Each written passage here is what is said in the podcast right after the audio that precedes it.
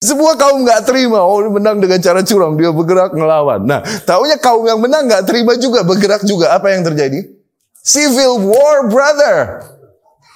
Perang saudara bisa-bisa ini. Terus aja kita. Ini kaum lain udah pada bikin negara, ngebangun negara, kita masih berebutan kursi. No, aduh. Assalamualaikum warahmatullahi wabarakatuh. Alhamdulillah nahmaduh. ونستعين به ونستغفره ونعوذ بالله تعالى من شرور أنفسنا ومن سيئات أعمالنا. من يهده الله فلا مضل له ومن يضلله فلا هادي له. أشهد أن لا إله إلا الله أشهد أن محمدا عبده ورسوله. أما بعد فإن أصدق الكلام كتاب الله وخير الهدي هدي محمد صلى الله عليه وسلم وشر الأمور محدثاتها وكل محدثة بدعة وكل بدعة ضلالة وكل ضلالة في النار أما بعد إخواتي رحمكم الله risalah yang kita bahas risalah yang dibawa, uh, dibawakan dari perkuliahan Syekh Dr. Muhammad bin Umar Bazmul hafizahullah ya sengaja kami copy ya kami download terus kami copy kami bagikan dan memang kali ini kami tidak buat terjemahannya, ya. Jadi sama-sama megang teks Arabnya. Tayyib. Dan juga sekali lagi mohon maaf akan kekeliruan fotokopian karena ngedadak akhirnya jilidnya di kiri. Tapi nggak ada permasalahan dengan susunan halamannya, insya Allah rapi. Ya. Tayyib, sebagaimana kalian baca di situ, judulnya adalah Manhaj Salaf konsep salaf fi kayfiyat at-ta'amul di dalam cara menyikapi okay, ma'al inhirafat al-aqdiyah wal manhajiyah. Konsep salaf ya di dalam menyikapi penyimpangan-penyimpangan akidah dan manhajiyah. Konsep salaf di dalam menyikapi penyimpangan akidah dan manhajiyah. Ya. Untuk yang nggak dapat bukunya, insya Allah pertemuan yang akan datang kita cetak lagi, kita kopiin lagi lebih banyak kalau misalnya permintaannya banyak ternyata. Dan untuk yang belum dapat, kita simak aja barengan. Ya.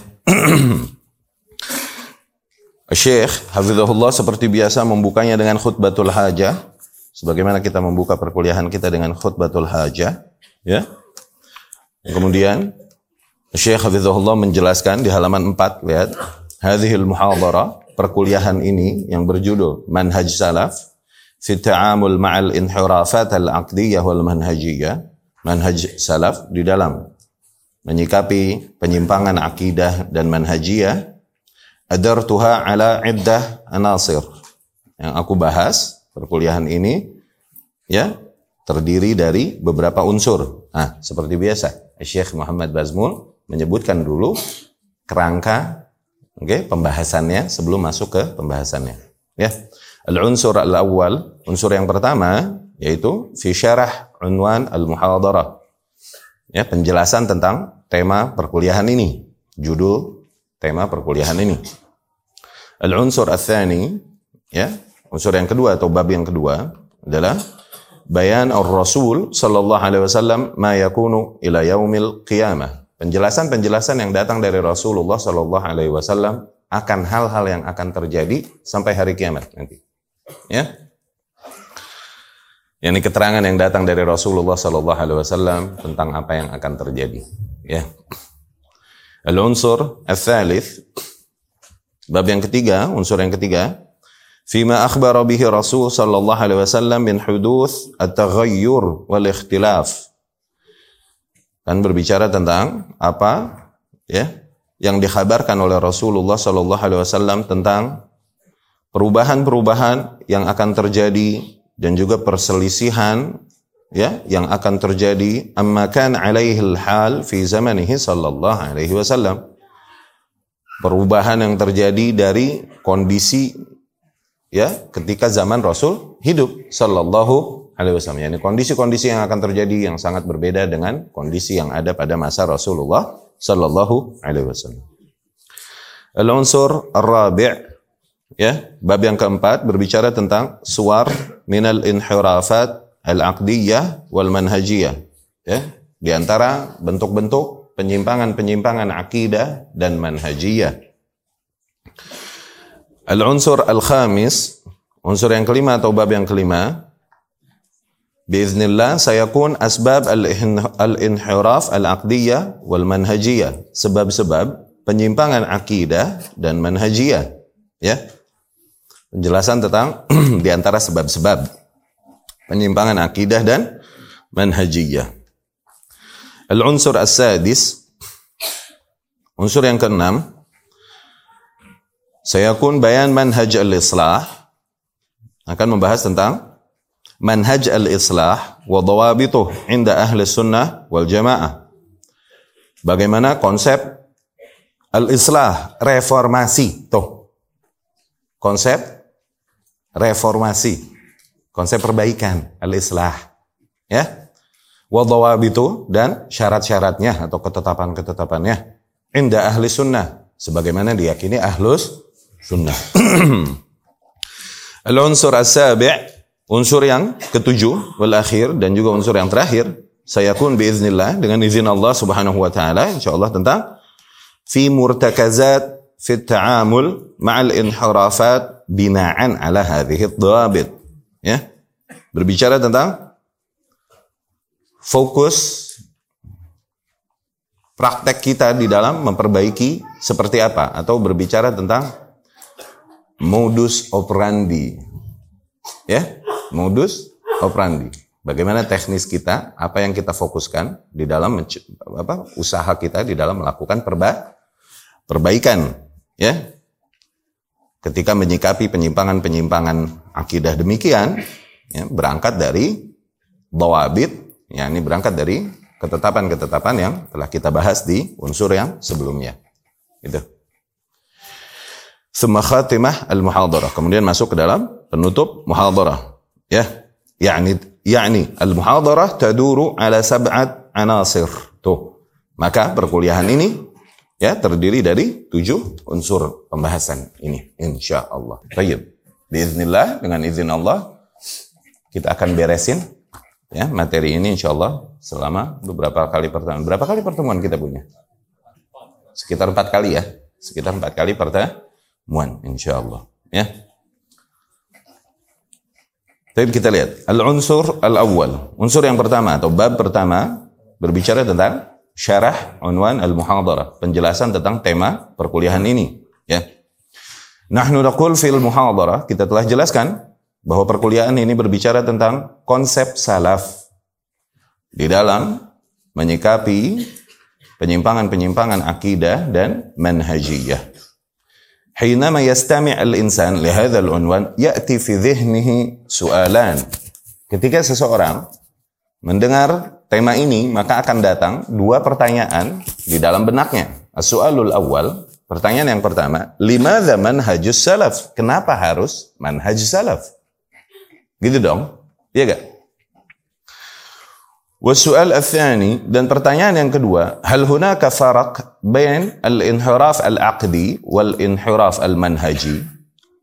Apakah ada perbedaan antara penyimpangan akidah dengan penyimpangan manhajiyah amla atau tidak? Gitu. Ya.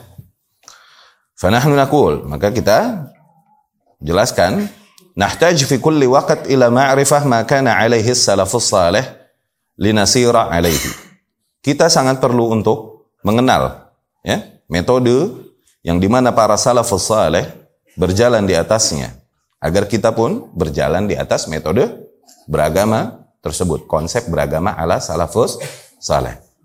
Lianna sabila salafus saleh kenapa harus demikian? Dikarenakan konsep beragama ala para sahabat salafus saleh ini muhajirin, ansar, tabi'in, tabi'ut tabi'in, oke? Okay? Konsep beragama ala para sahabat ini Tarik as-salaf as-salih, jalan mereka ini, huwa sabilun najat. Itu adalah jalan keselamatan. Sabilun najat alladhi dallana alaihi rasulu sallallahu alaihi wasallam. Jalan keselamatan sebagaimana telah ditunjukkan kepada kita oleh Rasulullah sallallahu alaihi wasallam. Bal wadallana alaihi Allahu.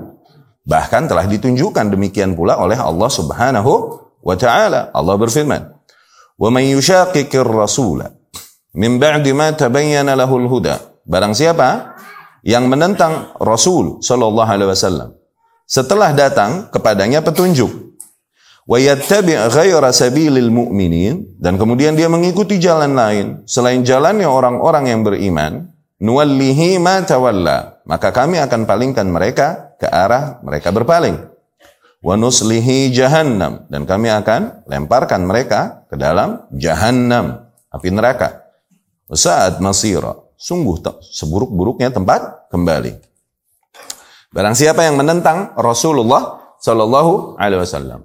Ini kita jelaskan berulang kali, terus kita jelaskan. Untuk apa? Untuk menterapi hati kita sama-sama, ya, menegaskan tentang keyakinan dasar ini di dalam berakidah bermanhaj. Barang siapa yang menentang Rasulullah Sallallahu Alaihi Wasallam, penentangan terhadap Rasul tidaklah terjadi ketika seseorang berkata, aku menentang Rasulullah Sallallahu Alaihi Wasallam. Gak mungkin, nggak ada seorang Muslim akan mengatakan demikian. Kecuali ada something wrong dengan dengan akalnya. Ada nggak seorang muslim, sebidah bidahnya seseorang berkata, I avenge, aku menentang Rasulullah Ada gak? Hmm. Maka bentuk penentangan kepada Rasul Sallallahu Alaihi Wasallam bukan demikian. Bentuk penentangan kepada Rasul Sallallahu Alaihi Wasallam ketika disampaikan kepadanya bahwa apa yang mereka berada di atasnya, keyakinan mereka, praktek mereka, itu Rasul ngajarinnya nggak begitu loh. Namun mereka tetap berkeras dengan kekeliruan yang ada padanya, gitu. Itu bentuk menentang Rasulullah Sallallahu Alaihi Wasallam. Ya, kalau sebelumnya nggak tahu bahwa apa yang dilakukan ternyata bertentangan dengan yang diajarkan Rasulullah Sallallahu Alaihi Wasallam, uzur gak? Uzur. Tapi mimba di tabayyana lahul huda. Setelah datang kepadanya petunjuk, ya, yakni setelah disampaikan hujah atasnya bahwa apa yang kau berada di atasnya adalah salah, tidak sesuai dengan contoh Rasulullah sallallahu alaihi wasallam. Ya? Min ba'di ma tabayyana lahul huda. Kemudian setelah itu wa yattabi' ghaira sabilil mu'minin, kemudian dia mengikuti konsep-konsep beragama lain selain konsep beragama ala kaum mukminin. Nah, ketika mukminin disebut, maka tidak lain yang dimaksud adalah orang-orang yang beriman bersama Rasulullah sallallahu alaihi wasallam. Gak ada pilihan lain. Ketika mukminin disebut maka para sahabat radhiyallahu anhu dan mengikuti jalan lain selain jalannya orang-orang yang beriman, beriman bersama Rasulullah sallallahu alaihi wasallam yakni siapa? Companions, para sahabat, nggak ada pilihan lain. Radhiyallahu anhu. Dia mengikuti gaya beragama lain, metode beragama lain selain metode beragama ala sahabat salafus saleh radhiyallahu anhum. Oke? Okay?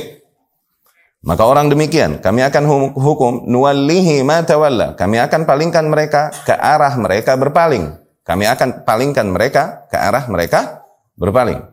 Yani dipalingkan mukanya. Maknanya zayyan zayyanna lahu nuzayyinu lahu dalalati. Kami akan hiasi baginya kesesatan-kesesatannya sehingga dia semakin yakin di atas kesesatannya, makin pede di atas kesesatannya diulur kayak kayak istid kayak itu diulur sama Allah Subhanahu wa dipur Nuzayyinu lahu dalalati. Kami hiasi baginya kesesatan kesesatannya. Ya. Kemudian nuslihi jahannam dan kemudian kami panggang mereka di api neraka. Ya. Kami lemparkan mereka ke api neraka. Maka sabilul mu'minin yang dikatakan oleh Allah, jalannya orang-orang yang beriman, awwalu ma yantabiq wa awwalu ma yantiq wa awwalu ma yantalik innama yutlaq ala man ala ma kana alaihi salafu min as-sahabah wa man tabi'ahum bi ihsanin ila yaumiddin. Maka yang dibilang dengan jalannya orang yang beriman, apa yang langsung hadir ke pikiran kita? Paling layak diterapkan nama jalannya orang yang beriman ini kepada siapa? Tentunya hanya kepada para salafus saleh dari golongan sahabat dan orang-orang yang mengikuti gaya berislam mereka, konsep berislam mereka ya dengan baik bi ihsan ila yaumiddin sampai hari kia, kiamat. Ya generasi-generasi kaum muslimin berikutnya namun di dalam beragama mereka mengikuti gaya beragama ala sahabat radhiyallahu anhum? Okay? Maka mereka termasuk orang-orang yang mengikuti jalannya orang-orang yang beri, beriman. Itu. Di ayat lain, Allah Subhanahu wa taala berfirman, ini ayat-ayat yang menjadi usul atas manhaj ini, ya. Allah Subhanahu wa taala di ayat lain berfirman, "As-sabiqun al-awwalun minal muhajirin wal ansar." Allah menegaskan bahwasanya keridhaan Allah Subhanahu wa taala terdapat pada orang-orang dengan kriteria ini. Lihat kriteria ini. Apabila kau mau mendapatkan keridhaan Allah, menjadi orang-orang yang diridhai Allah, dicintai Allah, penuhi kriteria ini. Nih. As-sabiqun al-awwalun. Para kaum muslimin terdahulu minal muhajirin wal ansar dari golongan kaum muhajirin dan ansar. Siapa? Sahabat. Kemudian walladzina taba'uhum bi ihsan dan orang-orang yang mengikuti mereka, yakni mengikuti para sahabat dengan baik. yakni di dalam beragama, tidaklah mereka mau beribadah kecuali sebagaimana sahabat beribadah. Tidaklah mereka mau berakidah kecuali sebagaimana sahabat beraki berakidah. Mindset mereka ngikutin juga para sahabat. Tuh, walladzina taba'uhum dan orang-orang yang mengikuti mereka, yakni mengikuti para sahabat bi ihsan dengan itqan, dengan ihsan dengan baik, yakni dengan teliti. Sedetil-detilnya permasalahan mereka ngikutin para sahabat radhiyallahu anhum. Ya. Walladzina taba'uhum bi ihsan dan orang-orang yang mengikuti para sahabat dengan baik radhiyallahu anhum. Itulah orang-orang yang Allah ridha kepada mereka. Noh. Waradu an, itulah juga orang-orang yang hakikatnya memang meridai Allah Subhanahu wa taala. Ya. Nah, nah, nah, ayat demikian dibilang ayat-ayat mizan, ayat barometer. Ya. Yani sejauh apa keridhaan sebesar apa keridhaan Allah Subhanahu wa taala pada seseorang? Ah, sebesar apa kadar berittibanya kepada para salafus saleh. Itu. Ya, Sebesar apa sebenarnya? Keriduan seorang hamba kepada Allah, menerima Allah sebagai Rabbnya, menerima Nabi Sallallahu Alaihi Wasallam sebagai tuntunannya, sebagai nabinya. Sebesar apa kadar keikhlasan seseorang di dalam mentauhidkan Allah dan berittiba? Tuh, sebesar apa kadarnya di dalam mengikuti konsep salafus saleh. Tuh, ini ayatnya. Seperti Syekh Utsaimin katakan, "Kul in kuntum eh, Allah di dalam firman Allah, "Kul in kuntum tuhibbunallaha Fattabi'uni yuhibbukumullah. Katakan apabila katakan wahai Muhammad kepada para manusia sallallahu alaihi wasallam, kepada para manusia.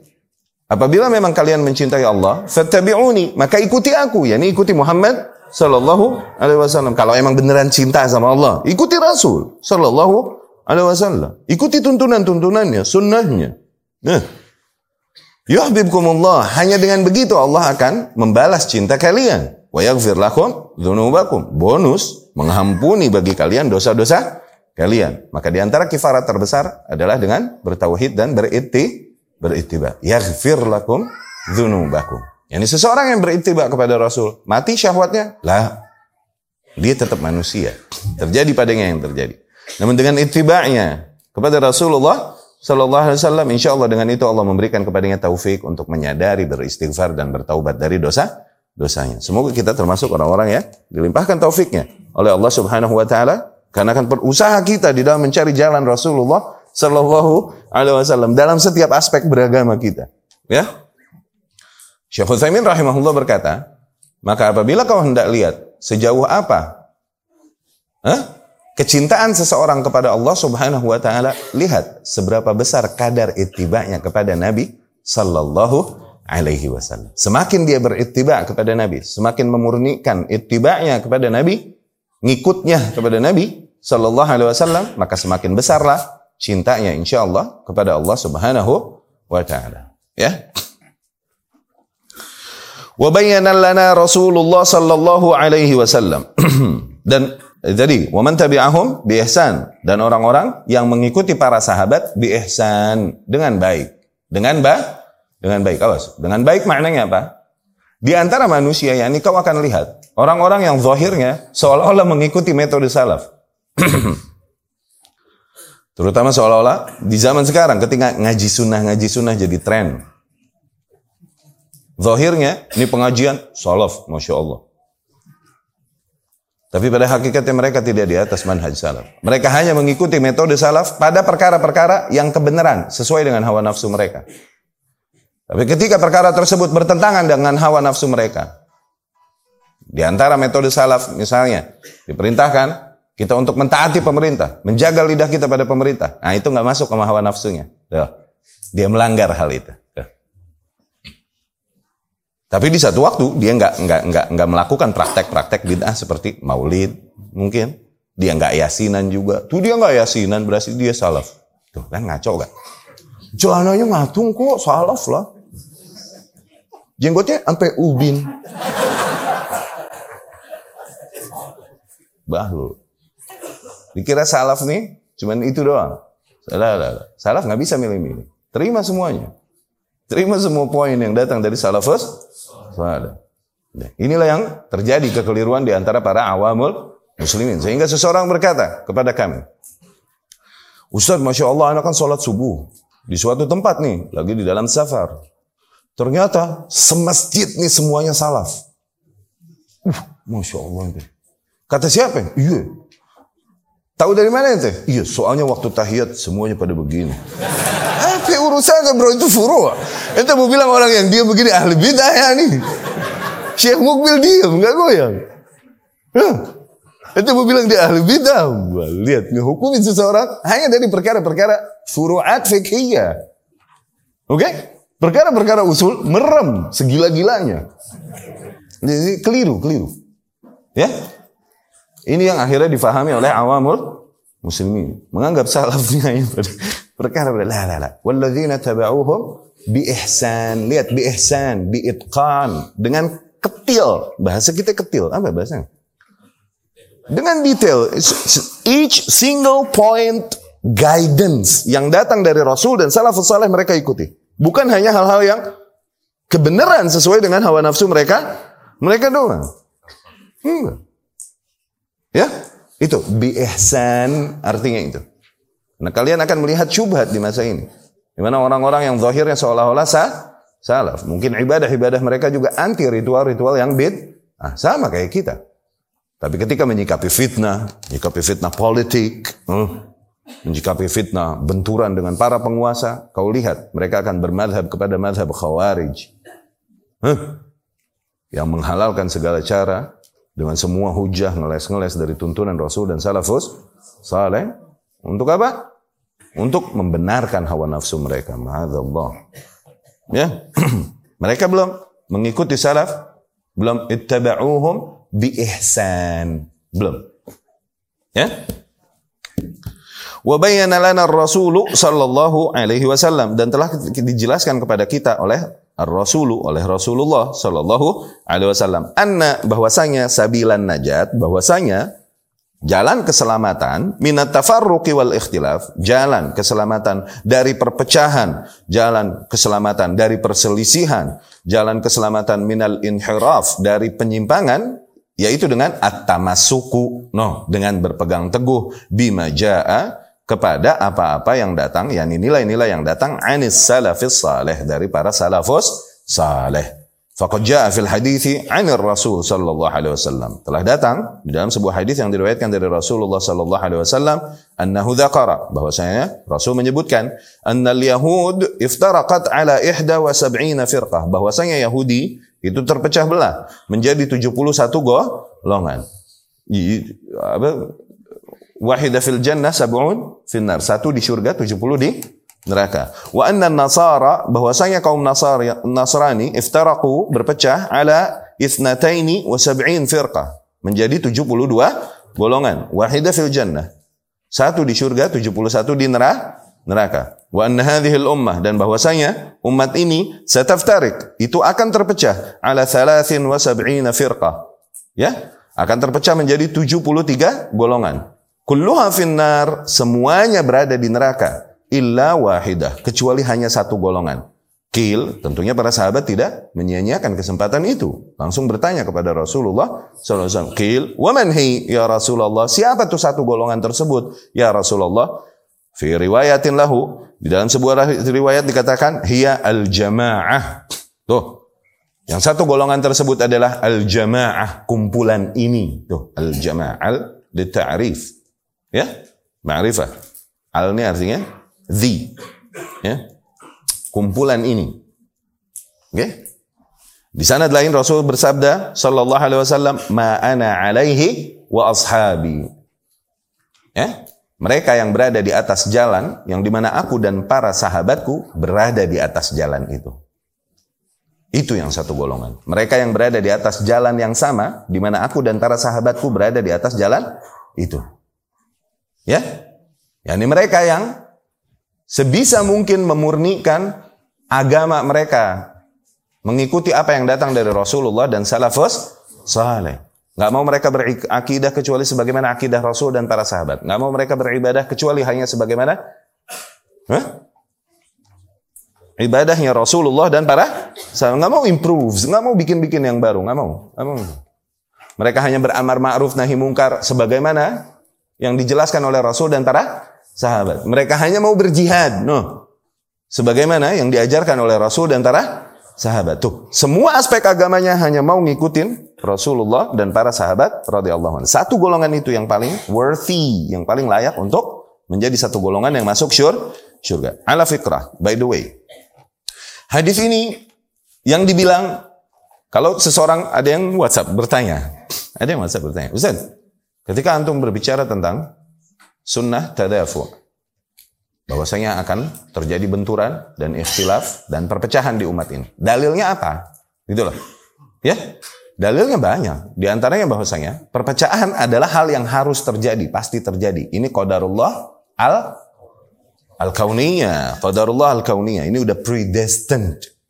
Qadarullah al-kauniyah Allah jadikan pasti perpecahan. Buktinya apa? Nih hadis-hadis demikian. Ini bocoran qadarullah al-kauniyah dari Rasulullah Shallallahu Alaihi Wasallam. Nanti pasti akan terjadi perpecahan demi demikian. Maknanya demikian. Ya. Qadarullah syar'iyyah apa? Allah ingin manusia bersatu, bersatu menyeru kepada persatuan, iya kan? Wa tasimu bihablillahi jami'an wala tafarraqu. Berpegang teguhlah kalian semua kepada tali Allah dan janganlah kalian berpecah belah. Nah, ini qadar syar'i, iradah syar'iyyah. Oh. Ya? Tapi masyiahnya atau kauniyahnya yang terjadi di alam semesta, Allah menghendaki terjadinya perpecah, perpecahan. Supaya terlihat mana orang-orang yang mencari petunjuk, mana orang-orang yang bodoh amat, mana orang-orang yang mengikuti hawa naf, hawa nafsu. Supaya berjalan game ini, supaya kelihatan peranan masing-masing dijadikan hal demikian oleh Allah subhanahu wa ta'ala. Ya. Idan luzum ma kana alaihi Rasul sallallahu alaihi wasallam halaman berikutnya sadis halaman yang ke-6. Maka berpegang teguh dengan metode yang di mana Rasulullah sallallahu alaihi wasallam wa ashabu dan para sahabatnya berada di atasnya huwa sabilun najah. Itulah ya jalan keselamatan min hadhil furqah dari semua perpecahan ini. Oh. Wa hadzal ikhtilaf lidzalik wahadal ikhtilaf. Dan dari semua perpecahan ini dan dari semua perselisihan ini. Koma tuh kasih koma di situ. Wahadal ikhtilaf koma. Lidzalika tuh baru. Karena la buddha an nata'allam manhaj salaf. Maka dari situ wajiblah kita mempelajari manhaj salaf tuh. Maknanya apa Awas jangan kusut antara makna persatuan dengan yang kita maksud di bahasa kita atau makna persatuan secara bahasa dengan makna persatuan yang dituntut oleh syari syariat. Ini juga selalu kita jelaskan berulang-ulang. Supaya apa? Supaya nggak kusut dan nggak kena syubhat. Oke? Okay? Persatuan adalah yang dimaksud di dalam syariat dan diperintahkan. Persatuan adalah yaitu apa? Berpegang teguh kepada tali Allah. Yang petunjuk yang datang dari Allah dan Rasulnya dan para sahabat radhiyallahu anhum. Itulah bersatu. Seseorang bersatu, seseorang berada di atas al-jamaah ketika mereka berada di atas jalan tersebut. Maka sebaliknya berarti seseorang berpecah belah ketika mereka meninggalkan jalan tersebut. Nah, itu mereka berpecah belah. Kalaupun ngabring. Kalaupun rame-rame mereka di situ kompakan rame-rame, tapi berada di atas jalan selain jalan Rasulullah SAW dan para sahabat, maka hakikatnya mereka berpecah belah. Tuh. Makanya Ibnu Mas'ud berkata radhiyallahu anhu, "Antal jamaah wa in kunta wahdak." Engkaulah al-jamaah even if you were alone. Kalaupun kau bersendirian, tapi kau di atas hak, engkau yang al-jamaah. Mereka yang rame-rame ngabring itu, berbondong-bondong, tapi mereka tidak di atas petunjuk yang datang dari Rasul dan para sahabat, maka hakikatnya mereka berpecah belah. Tuh.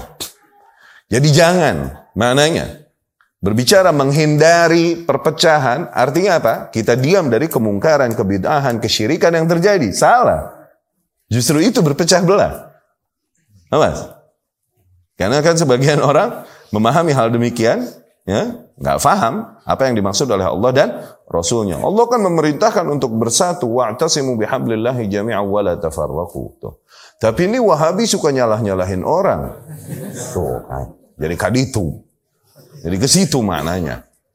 Ini salah, berangkat dari salah memahami. Suka nyalah-nyalih orang, memecah belah bangsa dengan apa? Dengan mengingkari perjuangan yang dilakukan oleh orang lain demi agamanya. Katanya begitu. Yang kita ingkari adalah kebidahan, penyimpangan, kesyirikan.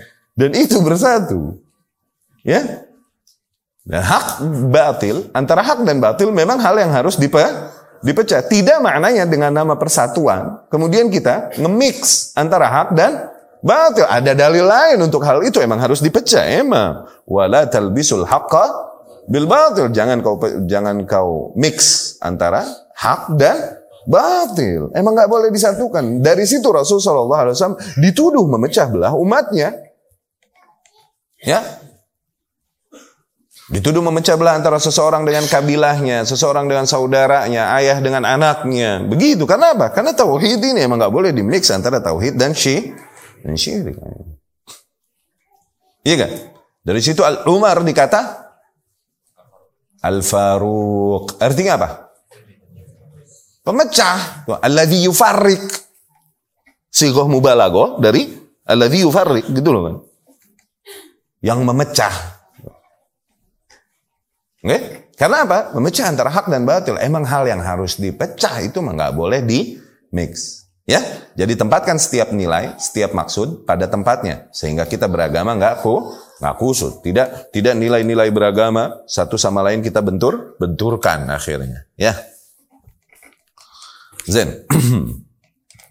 Maka jalan salaf ini adalah jalan keselamatan, ya, jalan keselamatan dari selu, semua perpecahan, dari semua ikhtilaf ini. Seseorang Apabila para manusia mengikuti jalan salaf ini, insya Allah mereka berada di atas al-jamaah semuanya. Dan mereka berpecah ketika berpencar dari jalannya para salafus saleh. Sebagaimana Allah firmankan, wa anna hadha sirati mustaqiman fattabi'u dan sungguh dan bahwasanya inilah jalanku yang lurus. Ikuti jalan yang ini. Wala tattabi'us subul. Dan janganlah kau ikuti jalan-jalan yang lain. Fatafarraq. Sehingga kalian berpecah belah dari jalannya. Ansabili dari jalannya Allah. Tuh maka yang dibilang berpecah belah adalah ketika seseorang mengambil jalan lain selain jalan Allah. Tuh berpecah belah tuh di situ. Ya? Kita kita arahkan makna bersatu dan berpecah belah. Ya Lidzalik kan labud an nata'allam manhaj salaf. Maka dari situ wajiblah kita mempelajari metode beragama ala salaf. Wa na'rifa ma huwa manhajus salaf. Kita harus mengenal apa itu manhajus salaf. Liannahu biiznillah, dikarenakan dengan izin Allah, jalan tersebutlah sabilul khalas, jalan keselamatan min ayyi furqatin wa ikhtilaf. Ya, jalan keselamatan dan solusi bagi setiap perpecahan dan ikhtilaf. Wa min ayyi taghyirin sayahsulu fi hadhil ummah dan dari penyimpangan atau perubahan-perubahan yang terjadi yang kelak akan terjadi di dalam umat ini. Fa inna Rasulullah sallallahu alaihi wasallam ya dan sesungguhnya Rasulullah sallallahu alaihi wasallam lamma dzakara at-taghyir Ketika Rasul menyebutkan kelak akan terjadinya perubahan demikian wal ikhtilaf dan perselisihan alladzi sayahsulu fi hadhil ummah yang akan terjadi di umat ini asyara ila hadza aidan Rasul pun mengisyaratkan kepada perkara ini. Faqala alaihi salatu wassalam. Rasul sallallahu alaihi wasallam bersabda fi hadis Abi Najih Al-Irbad Ibn Sariyah. Di dalam hadis Abu Najih Al-Irbad bin Sariyah radhiyallahu anhu ketika ia bercerita radhiyallahu anhu wa'adhana Rasulullah sallallahu alaihi wasallam mau'izatan wajilat minhal qulub. Suatu hari Rasul sallallahu alaihi wasallam memberikan kepada kita mau'izah yang begitu menyentuh hati, bergetar hati kita darinya. Wa dzarifat minhal uyun dan para mata mata manusia yang hadir ketika itu berlinangan darinya. Fakulna, maka kami pun berkata, Ya Rasulullah, ka'annaha mau'izata muwaddi' Ya Rasulullah, kok seolah-olah ini adalah mau'izah yang disampaikan oleh seseorang yang hendak pergi meninggalkan kita selamanya. Muwaddi' yakni orang yang mengucapkan farewell. Ya, mengucapkan selamat tinggal. Mereka menangkap bahwasanya tidak lama lagi Rasul akan meninggalkan mereka. Ya. Fausina, maka beri kami wasiat ya Rasulullah. Nah, wasiat itu apa? Dalam hal ini wasiat maknanya, sampaikan kepada kami sebuah nilai. Ya. Yang menjadi main point, perkara inti. Yang nanti ini akan kami pegang teguh sepeninggalmu wahai Rasulullah. Nah, ya. Fausina, maka wasiati kami ya Rasulullah faqal, maka Rasul pun berkata, "Usikum bitaqwallah." Aku wasiati kalian untuk senantiasa menjaga ketakwaan kepada Allah wasam'i wa ta'ah dan untuk senantiasa mendengar dan mentaati. Wa in ta'ammar 'alaikum 'abdun habasyi mendengar dan mentaati penguasa kalaupun yang berkuasa atas kalian adalah seorang budak dari Habsyah, dari Afrika. Tuh. Budak dari Afrika, yakni seorang yang merdeka. Terima nggak hatinya dipimpin dikuasai oleh budak? Huh? Nggak terima. Tapi kodarullah tuh budak sampai tampuk kuasa.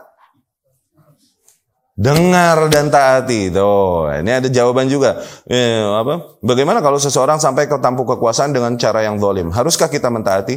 Oke, ada nggak budak sampai tampuk kekuasaan dengan keriduan para rakyat? Kalau dia sampai tampuk kekuasaan berarti melalui cara apa? Bloodshed. Pertumpahan darah dengan coup Coup detat. Kudeta pasti. Tapi kodarullah terjadi, itu yang dibilang hukam mutaghallib.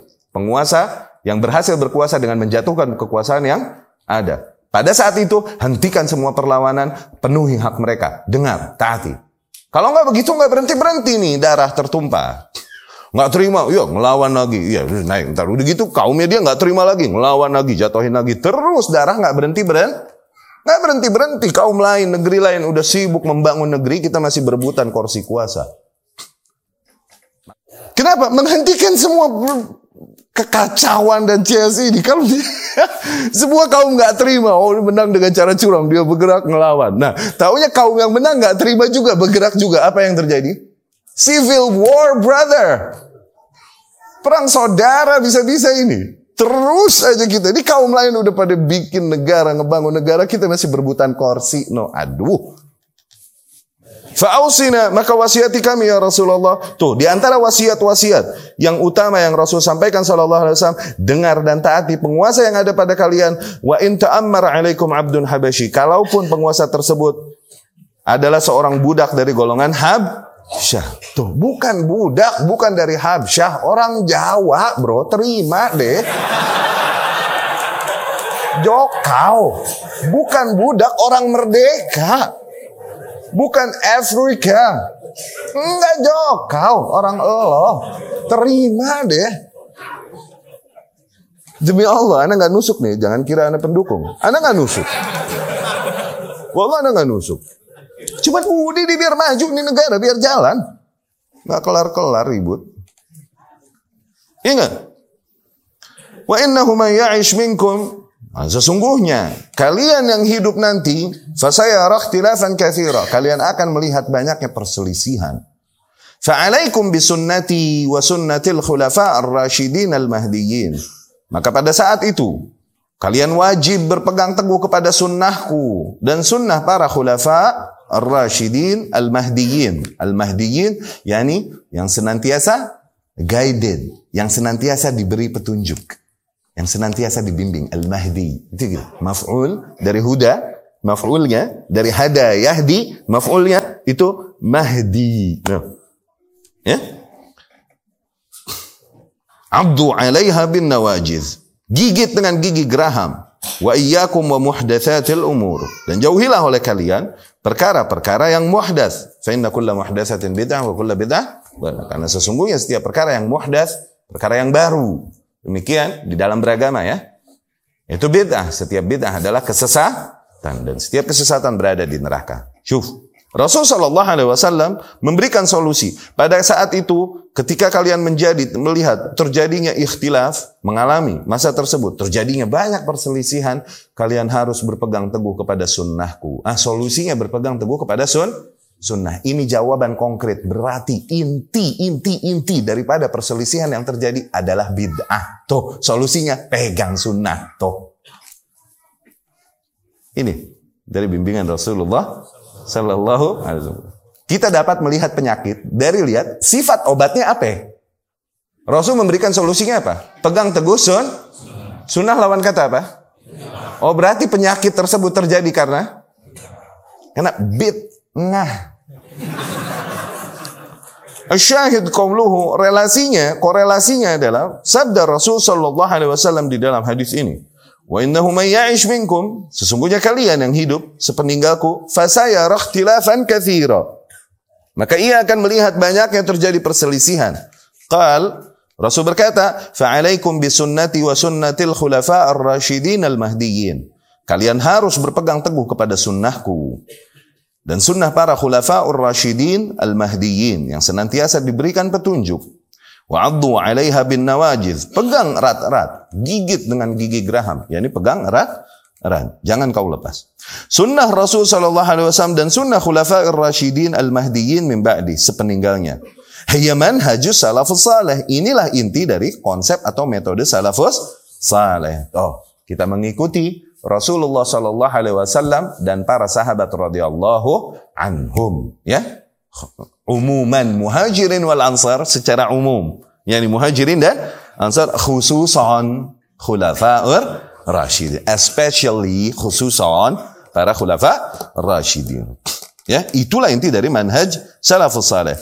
Lau ahad sa'alak, andai saja seseorang bertanya kepadamu, ma huwa manhajus salaf? Apa sih itu manhaj salaf itu apa? Kul, katakan, huwa tamassuk Berpegang teguh manhaj salaf adalah berpegang teguh bima kana alaihi Rasul sallallahu alaihi wasallam wa sahabatu wa ridwanullahi alaihim. Berpegang teguh kepada nilai-nilai sebagaimana Rasulullah sallallahu alaihi wasallam dan para sahabat-sahabatnya radhiyallahu anhum. Hadza huwa manhajus salaf. Inilah metode salaf. Idza kanat hadhihi an-nusus kulluha tadullu ala anna sabilan najat والخروج من الفتن والخروج من الاختلاف والخروج من التفرق هو بتمسك بمنهج سلف إذا نحن بحاجة دائما إلى أن نتذكر ويذكر بعضنا بعضا منهج السلف في هذا الموضوع ya apabila nas-nas yang jelas ini dari Allah dan dari Rasulnya Sallallahu Alaihi Wasallam menunjukkan bahwasanya jalan keselamatan, jalan keselamatan dari fitnah, ya? Solusi dari semua perpecahan perselisihan ya yaitu dengan berpegang teguh kepada manhaj salaf maka kita perlu untuk senantiasa ya mengingatkan diri kita dan saling mengingatkan satu sama lain ya untuk berpegang teguh kepada manhaj salaf. Ya. Sebagaimana yang dibahas di dalam kitab ini di dalam perkuliahan ini mahu min huna ja'at kalimah manhajus salaf fi unwan hadhil muhadarah. Loh, dari sinilah yakni dari nilai inilah ya manhajus salaf kita menjadi bahasan kita di dalam perkuliahan ini. Loh, karena kan kita sepakati manhaj salaf sebagaimana datang keterangannya dari Allah dan Rasulnya inilah jalan para ahlus sunnah Ahlus sunnah itu siapa? Mereka yang mengikuti Rasulullah dan para sahabat radhiyallahu anhum. Mereka yang paling berhak dan layak untuk menyandang gelar ahlus ahlus sunnah dan itulah satu-satunya jalan keselamatan. Apabila kita sepakati bahwasanya jalan ini adalah jalan keselamatan sebagaimana kabarnya datang dari Allah dan Rasulnya sallallahu alaihi wasallam maka kita sepakati bahwa kita harus mempelajari hal ini. Harus terus menyerukan manusia dan mengingatkan satu sama lain dengan konsep ini ya agar kita kembali semua kepada solusi ini. Ya selamat dari perpecahan dari perselisihan dari penyimpangan dan lain-lain. Ya. Qal fi ta'amul ma'al inhirafat al-aqdiyah wal manhajiyah. Di dalam bermuamalah atau menyikapi penyimpangan-penyimpangan akidah dan manhaj. Tuh manhaj salaf di dalam menyikapi ya penyimpangan-penyimpangan akidah dan manhajiyah. Jadi, sebagaimana kita jelaskan selalu dari dulu, bahwasanya ahlus sunnah mah semua juga ngaku ahlus semua ngaku ahlus, semua ngaku ahlus. Lalu siapa yang paling layak sebenarnya menyandang gelar ahlus sunnah? Semakin mirip amalan mereka dan akidah mereka kepada apa yang datang dari Rasul dan para sahabat, maka mereka semakin worthy. Semakin layak untuk menyandang gelar ahlus Lihat dari amalan kita, lihat dari praktek beribadah kita, lihat dari akidah kita, lihat dari mindset dan metode kita di dalam beragama. Mana yang lebih dekat kepada apa yang dituntunkan Rasulullah Wasallam dan mana yang liar membuka inovasi, peluang inovasi dan improvisasi di dalam beragama. Mana?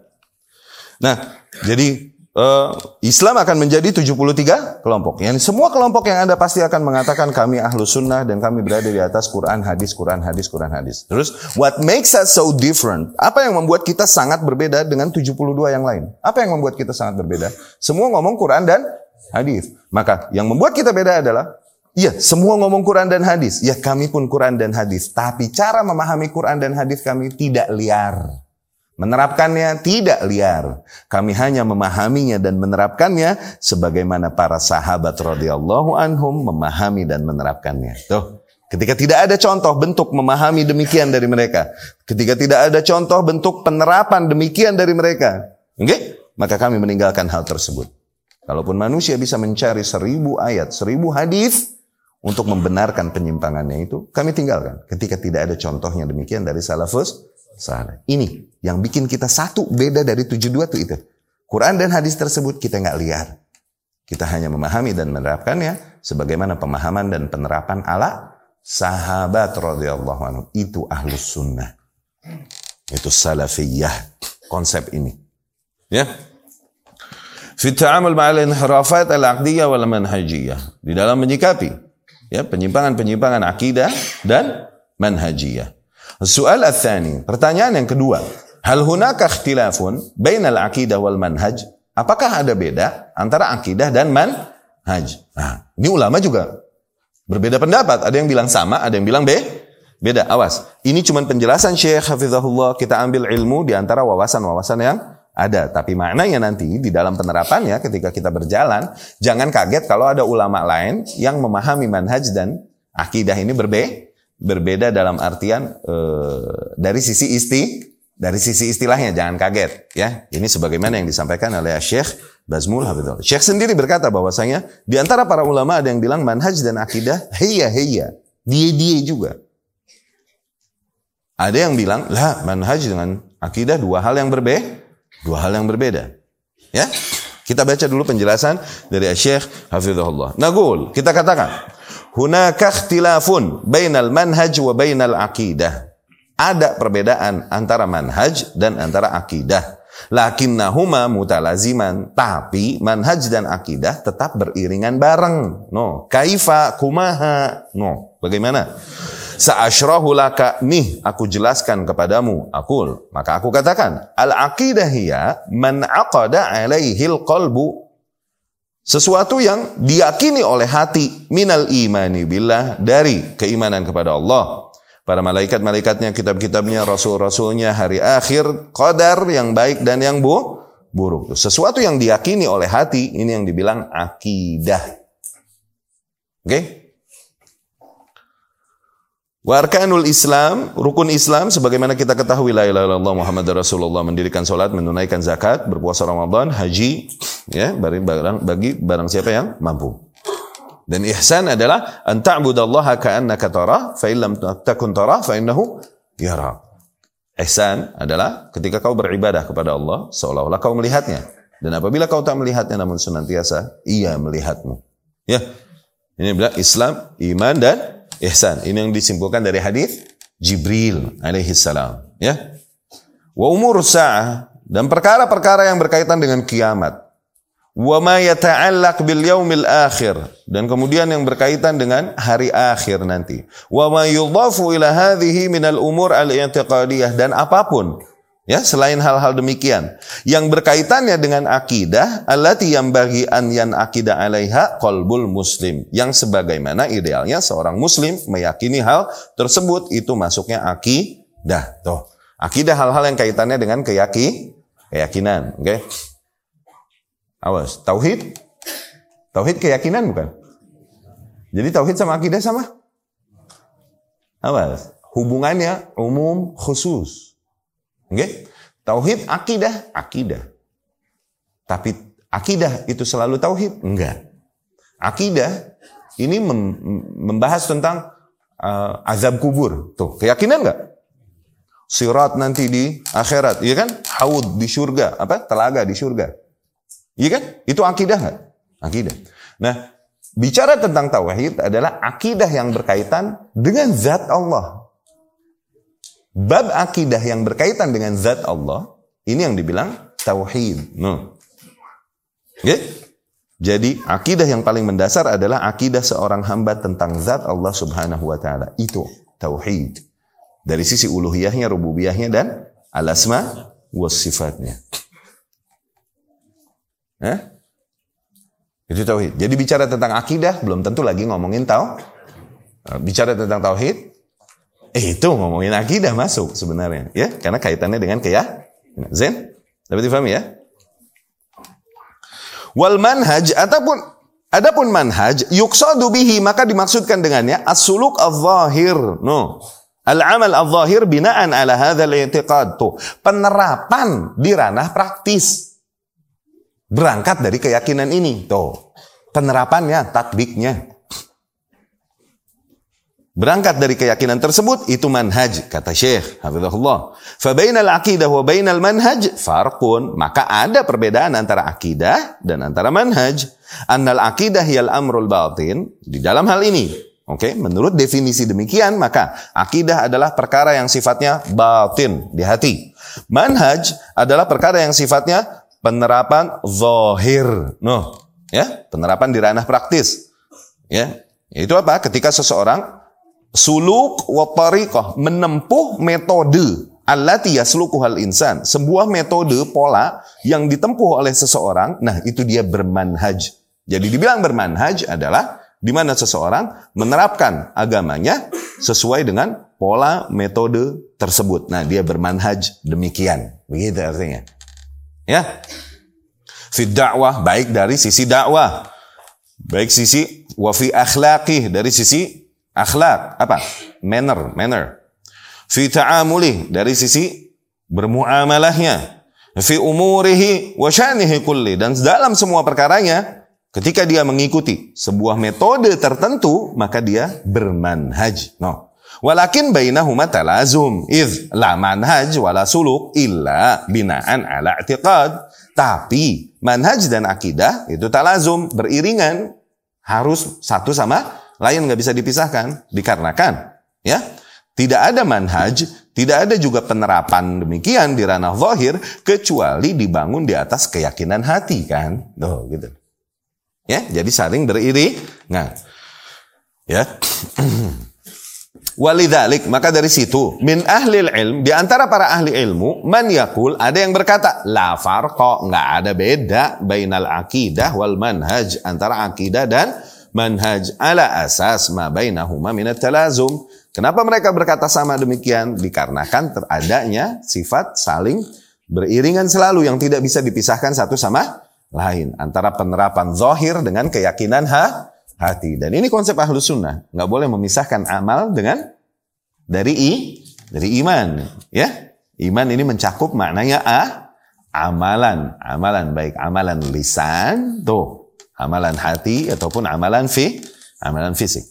Wa min ahli ilmi man yaqul hunaka farqun. Dan di antara ahli ilmu juga ada yang berkata bahwasanya ada beda bainal akidah wal manhaj antara akidah dan manhaj ala asas anna hadza yata'allaq bil amril qalbi.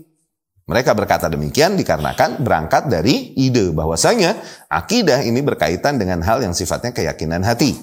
Hada yata'allaq bisuluk al-zahiri. Adapun berbicara manhaj adalah berbicara metode penerapan beragama di ranah praktis. Gitu. Walakinnaha fin nihayah, tapi ujung-ujungnya, begitu. Walakinnaha fin nihayah, tapi ujung-ujungnya. Gitu. Bainahuma, bainahat, bainahuma sebenarnya ini. Di antara mereka, di antara dua hal tersebut talazum. Itu harus sama satu sama lain, beriri, Ngan.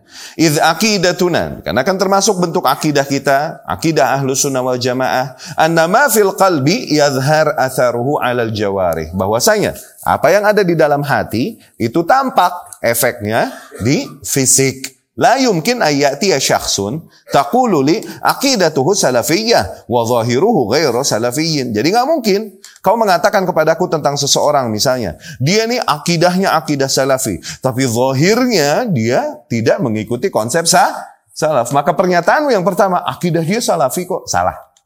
Enggak, akidah dia salafi. Iya dia ikutan demo. Loh, enggak, dia bukan salafi. Dia bukan salafi. Enggak, akidahnya salafi. Iya, cuma caleg di sana. Enggak, salafi dia enggak nyalek. Caleg dari parpol enggak. Salafi dia nyalek. Salah. Ente salah memahami salafi.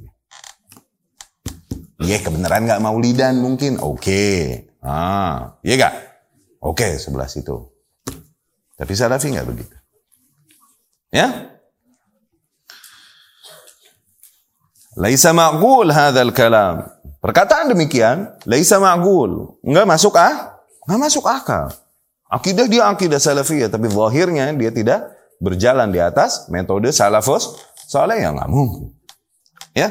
عندنا قاعدة يعبر عنها في كتب العقيدة يقول إن التلازم بين الظاهر والباطن هذا أشار إليه الرسول صلى الله عليه وسلم ya fi hadithi di dalam hadisnya alladzi fihi yang dimana Rasul berkata di dalamnya ala wa inna fil jasadi mudghah. Ketahuilah sesungguhnya di dalam tubuh kita terdapat segumpal darah.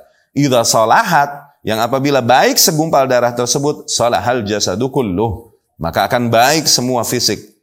Wa idza fasadat dan apabila rusak segumpal darah tersebut fasadal jasadu kulluh maka rusak pula semua fisik kita. Ala ketahuilah segumpal darah tersebut wahia ia adalah al-qalb yaitu ha hati. Ya, hati di sini maksudnya jantung. Oke? Okay? Bukan hati. Awas. Hati di Arab itu kibdah. Bukan kolb. Oke? Okay? Yang dimaksud dengan kolb adalah jantung. Awas. Ya? Bukan hati bahasa kita, beda lagi. Hati di kita di Arab itu bukan kol, kibdah. Ya. Jadi ati sapi ini biasanya digoreng, ditumis, terus makannya pakai roti panjang gitu dibelah tuh. Itu, itu kibdah, itu sarapan kita itu asyik. Kibdah asad, no. Hate mau, jengkol. Ati macan. Ya, kibdah asad, ati macan, jengkol itu. Ya. Dapat difahami itu ya? Idan hunaka talazum bain al-zahir wa bain al-batin. Maka itu harus saling beriringan antara zahir dan batin. Al-zahir yumathil al-manhajiyyah was suluk. Zahirnya itu menampakkan di mana ia mengikuti metode tersebut, ya, ia menempuh suluk ter, apa, metode tersebut. Wal batin, adapun batinnya yumathil al-i'tiqad, ya, yaitu pada sisi keyakinan hati. Lidzalika jaa al-unwan bihadhihi surah. Maka dari situlah tema yang kita pilih adalah manhaj salaf di dalam bermuamalah ya, di dalam menyikapi penyimpangan penyimpangan penyimpangan penyimpangan akidah dan manhajiyah, ya. Seseorang mengikuti manhaj salaf dia harus memenuhi tiga poin ini. Oke? Okay? Al-ilmu bihi, ilmu tentangnya. Kemudian suluk, okay, dia harus menempuh path tersebut, jalan tersebut. Yang ketiga, as-sabat. Dia harus hang on tight di situ, bertahan di situ. Oke? Okay? Yang disampaikan para ulama rahimahumullah ahya'an wa amwatan al-ilmu bihi. Mereka harus mengenal dulu bagaimana metode salafus saleh di dalam beragama. Dan ini bentuk hidayah, awas. Berapa banyak manusia sejenius-jeniusnya manusia, tapi mereka tidak mengenal manhaj. Huh? Manusia selevel mathalan Ibn Hazm. Huh. Ibn Hazm nih Kalau seseorang melihatnya dikatakan sampai la saqata. Niscaya ia akan pingsan karena apa? Wibawa dan keilmuannya tampak pada fisiknya. Orang melihat Ibnu Hazm gubrak begitu. Tapi lihat di akidahnya. Eh? Entar dia mentakwil, entar dia mentafwid, entar dia diam. Tuh, lihat. Enggak kena asma, Bapak menyikapi asma wa sifat sebagaimana salafat. Enggak kena. Lihat Al-Imam Al-Ghazali, manusia pinter nggak itu? Ustadznya, Al-Imam Al-Juwaini, Imamul Haramain. Huh? Itu manusia-manusia jenius yang dikatakan, laukan fil Yahud, andai saja di Yahudi ada manusia kayak begini, laftakharu bih, niscaya kaum Yahudi akan berbangga-bangga dengannya. Yahudi kaum yang terkenal dengan kejeniusannya, iya gak? Tapi kalau ada yang kayak Imam Juwaini di Yahudi, mereka akan mengenang dan membangga-banggakannya. Berarti lebih Ah. Tapi akidahnya apa? Mu'tazilah. Di akhir hayatnya dia baru tobat dan kemudian dia pikir dia masuk ahlus sunnah. Padahal enggak, dia ke Asyariyah sebenarnya. Al-Imam Al-Ghazali, Asyariyah Sufi. Di akhir hayatnya baru menemukan manhaj salaf. Akidah ahlus sunnah, ahlul hadis Mengikuti metode itu baru. Tapi ya udah keburu. Dikenal dengan namanya di track rekornya di dunia sufis. Al-Jahiz. Pernah dengar Jahiz? Ini muridnya Wasil bin Atta. Huh? Iya gak? Yang muassis Mu'tazilah. Yang keluar dari majelisnya Hasan Al-Basri. Pernah dengar itu? Nah, dia punya murid nih. Murid pentolannya di antaranya Al-Jahiz. Ini orang genius, genius, genius. Oke? Okay? Jahiz, kalamnya itu jadi hujah di nahu. Di ilmu gramatikal bahasa Arab. Jago bahasa luar biasa. Dan dia orang yang dikenal memiliki photographic memory. Kalau dia lihat sesuatu nih, dia lihat selewat, tuh, dia hafal apa yang dia lihat. Jahil bro. Dia mampir ke warung buku, punya fulusnya sedikit nih. Coba lihat buku yang itu, toko buku, dibagi. Satu, dua, terus lihat. Tutup, udah apal semua nih. Bukan yang ini yang anda cari. Coba lihat yang itu, dibagi lagi. Bukan yang ini, coba lihat yang itu, begitu malah. Akhirnya ketahuan sama yang tukang buku lama-lama. Oh, ini dia begitu nih. Pas datang lagi, coba lihat yang itu, ditimpa pakai buku, jeder dia lari. Jahil. Terus dia punya fulus sedikit. Kalau beli buku cuma dapat dikit kan? Dia bawa ke tukang buku. Ini fulus buat ente semua. Tapi biarkan aku nginep di tokomu sehari aja. Pagi-pagi udah apal semua isinya. Oke? Okay? Matinya ketimpa buku. Buku roboh.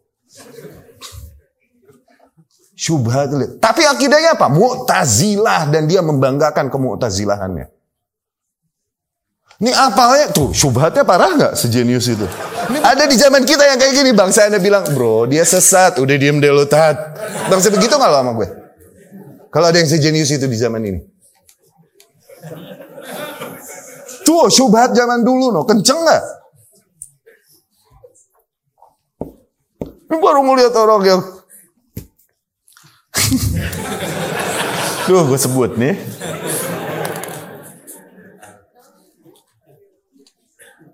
Allah musta'an. Kenapa? Dia nggak dapat ilmu tentang manhaj ini. Tuh, ini ilmu hidayah bro. Bisa jadi sepolos-polosnya manusia berada di atas manhaj yang hak. Alhamdulillah. Sejenis-jenisnya manusia berada di atas penyimpangan? Iya bisa jadi. Nah, kita berada di atas ini sehingga para salaf berkata, nikmatan, ada dua nikmat. Oke? Okay? Dan ini sama-sama besar dan aku tak tahu yang mana yang lebih besar dari yang lain. Yang pertama, aku lahir dalam keadaan Islam. Ini modal menang banyak. Berapa banyak manusia yang lahir dalam keadaan kafir, akhirnya mati kafir dan abadi di neraka kan? Iya kan? Aku ditakdirkan oleh Allah lahir muslim. Eh, nggak usah pakai syahadat. Tuh. Berapa banyak manusia yang lahir kafir, kemudian nyari agama nggak dapat, mati masih di atas kesyirikan. Tuh, kita yang nggak usah pakai nyari agama, lahir udah Islam. Tuh, nikmat besar nggak nih? Satu, yang kedua, aku mengenal manhaj ini. Sementara manusia pada nyungsep di kuburan. Aku nggak tahu yang mana yang lebih besar antara satu sama lain. Al ilmu bih, oke? Okay? Ilmu tentang. Ya. Yang kedua, As-suluk. Ente udah mengetahui bahwasanya konsep ini konsep yang hak, kau harus mulai menempuhnya. Jangan coba ngeles-ngeles dari konsekuensinya. Konsekuensinya kau harus mengikuti beragamamu berarti harus mengikuti konsekuensi itu. Sebagaimana yang dikatakan manhaj tersebut. Manhaj ini menegaskan kita harus menyikapi tegas kepada apa? Bid'ah dan para ahli bid'ah. Bukan awam pelaku bid'ah. Awas. Bukan awam pelaku bid'ah. Bukan. Tapi bid'ah dan para ahli ahli bid'ah. Jangan kau udah tahu kemudian ngeles-ngeles bikin-bikin akidah baru dan kemudian foto-foto cantik foto-foto mesra-mesra dengan ahli bid'ah. Ya, itu sih lo nggak dapet. Belum suluk, belum menempuh this path. Oke? Okay? Suluk, menempuh jalan ini. Itu yang harus kedua dipenuhi oleh seseorang. Kenapa? Berat. Menempuh jalan ini siap-siap dimusuhi ente. Karena akan dibenci oleh ahli Bid'ah, ahli bid'ah adalah kebanyakan kaum muslimin. Berarti ke, dibenci kebanyakan kaum muslimin. Sehingga para ulama rahimahumullah berkata, Idza lam yatakallam fik, apabila ahlul bid'ah belum menggunjingmu, yakni lam yu'zik, belum menyakitimu, minimal menggunjingmu, minimal ya. Kalau belum demikian, fatish fi nafsik. Maka periksa dirimu, yakni periksa manhajmu. Something wrong. Karena kau memang, apabila kau memang berada di atas manhaj yang hak, harusnya mereka membencimu. Harusnya mereka membencimu. Itu otomatis. Itu direct. Ini bukan side effect, bukan efek samping, bukan bukan itu direct unwanted effect. Itu efek langsung yang tidak diharapkan sih, cuman pasti harus terjadi. Maka di antara para ahlul hak, sebagaimana Imam Syafi'i ditanya, ya Imam siapa para ahlul hak? Imam Syafi'i bilang, lihat panah-panah para musuh Islam atau musuh sun, sunnah ke mana diarahkan. Nah, itu insya Allah ahli hak. Para ahli beda, sufinya benci dia, harakinya benci dia. Tuh, lihat. Siapa yang paling digregetin oleh mereka? Nah, itu dia insya Allah ahlul hak. Ya? Suluk. Kita harus menempuh jalan ini. Itu konsekuensi udah. Ya? Yang ketiga, as-sabat alaih. Harus bertahan di atasnya. Jangan goyah. Karena manusia berpaling darimu. Kau berada di atas hal ini, ah, demi mencari ridho manusia supaya manusia menerimamu kembali. Akhirnya apa? Akhirnya kau meminta maaf dari ketegasan yang kau katakan, dari kemungkaran yang kau ingkari, dari kebid'ahan yang kau ingkari, manusia berpaling darimu karena itu, akhirnya kau merubah. Klarifikasi. Yang ente kejar nih ridha Rabb apa ridha bashar bro? Jangan. Tahan. Sabat. Hang on. Tight. As-sabat. Hmm. Bertahan. Di atas jalan. Nah, tiga unsur itu yang harus dipenuhi seseorang yang mau menempuh jalan ini. Yang pertama, ente kenal dulu. Ya, Kenal dulu gimana metode salaf. Pelajari usul-usulnya. Apa aja sih metode salaf? Lihat usul-usul. Lihat apa-apa yang menjadi kesepakatan salafus soleh dari zaman ke zaman. Eh, bagaimana konsep mereka di hal ini, di hal ini, di hal ini. Tuh, pelajari buku-buku akidah. Itu ilmu bihi. Kemudian apa? Suluk. Terapkan di dalam kehidupan. Bagaimana menyikapi ini, bagaimana menyikapi fitnah, bagaimana menyikapi politik, bagaimana menyikapi bid'ah dan para ahli bid'ah, bagaimana menyikapi bagaimana terapkan, suluk. Ya, Kemudian di jalan itu kau pasti akan mendapatkan ujian. Kau akan dibenci, kau akan dicaci, akan dibilang, ya, ya, ya, welcome to the club. Welcome to the jungle, brother. Oke? Okay? As-sabat adai. Bertahan di atasnya. Hang on, tight. Ya. Yeah.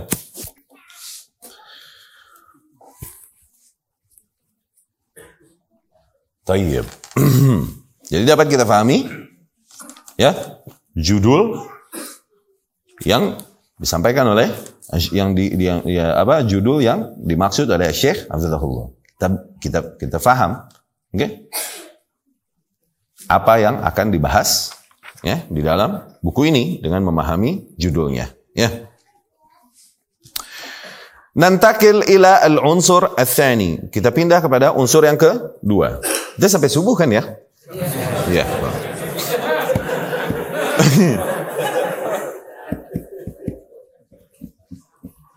Nakul. Kita katakan, oke okay, unsur dua aja ya. Kalau kita katakan, hadhil inhirafat, penyimpangan-penyimpangan ini, wahadhil kharajat, dan ya kesesatan-kesesatan ini, kharajat, ya nih hal-hal yang keluar dari metode Rasulullah, kharajat, gitu ya. Hal-hal yang menyimpang dari manhaj atau metode salafus saleh, atau amma kana alaihi rasul, atau metode beragama atau ala Rasulullah sallallahu alaihi wasallam la zalat tahdutsu fil ummah. Itu masih terus terjadi di dalam umat ini. Hal akhbar anha Rasul, hal tersebut, apakah Rasulullah sallallahu alaihi wasallam telah mengabarkannya? Nakul, maka kita katakan, Rasul sallallahu alaihi wasallam akhbaral ummata, telah mengkhabarkan kepada umat, bikullil umur satakunu fil mustaqbal. Rasul mengkhabarkan kepada umat perkara-perkara yang akan terjadi di masa yang akan datang. Faqad ja'at ahadith tanussu ala hadhil umur. Sungguh telah datang banyak hadis yang menegaskan tentang perkara-perkara yang kelak akan terjadi di masa yang akan datang. Minha, di antara hadis-hadis tersebut, maja'a an Abi Dzar, hadis yang diriwayatkan dari Abi Dzar radhiyallahu anhu qal, ia berkata, tarokna Rasulullah sallallahu la la la, tarokana. Rubah. Bukan tarokna, tarokana.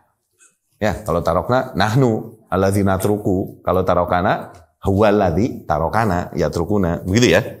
Tarokana telah meninggalkan kami Rasulullah Shallallahu Alaihi Wasallam. Yani Rasul Shallallahu Alaihi Wasallam left us tuh telah meninggalkan kami. Wa mata'irun yuqallibu janahahu fil, fil hawa dan tidaklah seekor burung pun mengepakkan sayapnya di udara illa wa huwa minhu ilman kecuali pasti Rasul Shallallahu Alaihi Wasallam telah menyebutkan bagi kami tentang hal tersebut sebuah wawasan. Yani Rasul SAW begitu komplit menyampaikan tentang apa yang akan terjadi di masa yang akan datang. Dan begitu detail, begitu banyak info tentang hal tersebut dari Rasulullah SAW sehingga seolah-olah tidaklah seekor burung pun lewat kecuali pasti kita pernah mendengar kabar sesuatu tentang hal ini dari Rasulullah Shallallahu Alaihi Wasallam. Ini ungkapan ya. Wa anil Mughirah bin Syu'bah radhiyallahu anhu. Dan dari Mughirah bin Syu'bah radhiyallahu anhu. Qal ia menceritakan ah ini nih Qama fina Rasulullah sallallahu alaihi wasallam suatu hari Rasul sallallahu alaihi wasallam berdiri di antara kita maqaman ya berkhutbah ya nih. Fa akhbarana bima yakunu fi ummati. Kemudian Rasul sallallahu alaihi wasallam terus mengkhabarkan kepada kita tentang hal-hal yang akan terjadi di dalam umatnya ila yaumil qiyamah sampai hari kiamat. Nih nanti akan terjadi begini, akan begini, akan begini, akan begini. Terus Rasul mengkhabarkan tersebut. Wa'ahu man wa'ah yang ingat pada ingat. Yang pada ingat ingat. Nasiyahuman nasiyah. Yang pada lupa-lupa. Ini di antara manusia ada yang ingat. Di antara manusia ada yang lupa.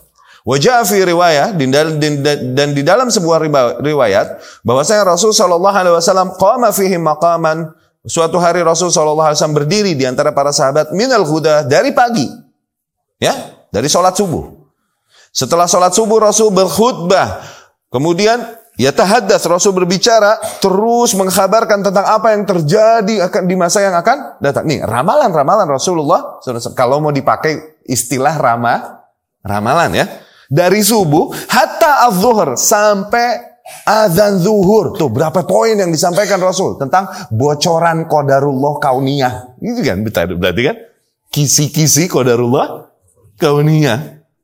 Rasul mengetahuinya berdasarkan apa? Wahyu.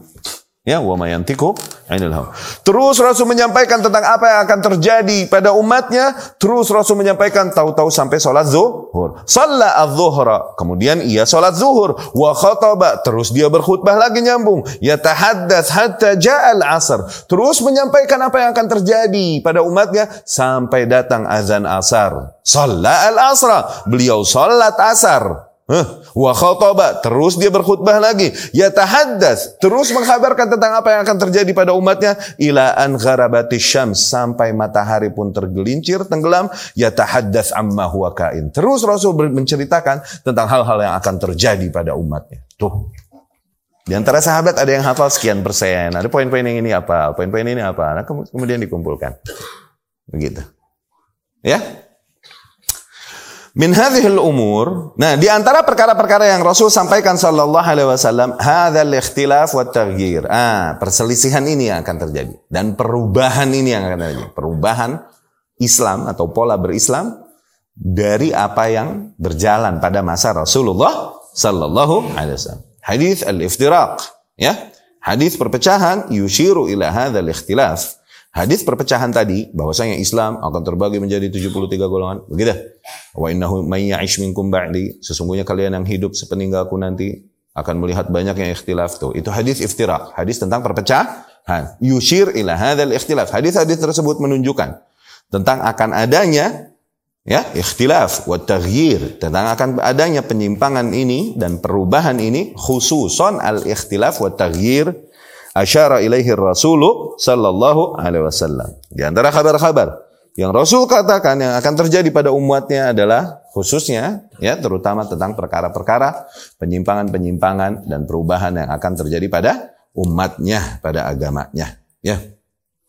Dapat di final itu ya. Tayyib. Wahia al-faqrah al-thalithah. Nah, itulah yang akan kita bahas di unsur yang ketiga. Insyaallah di pertemuan yang akan datang insyaallah. Tayyib.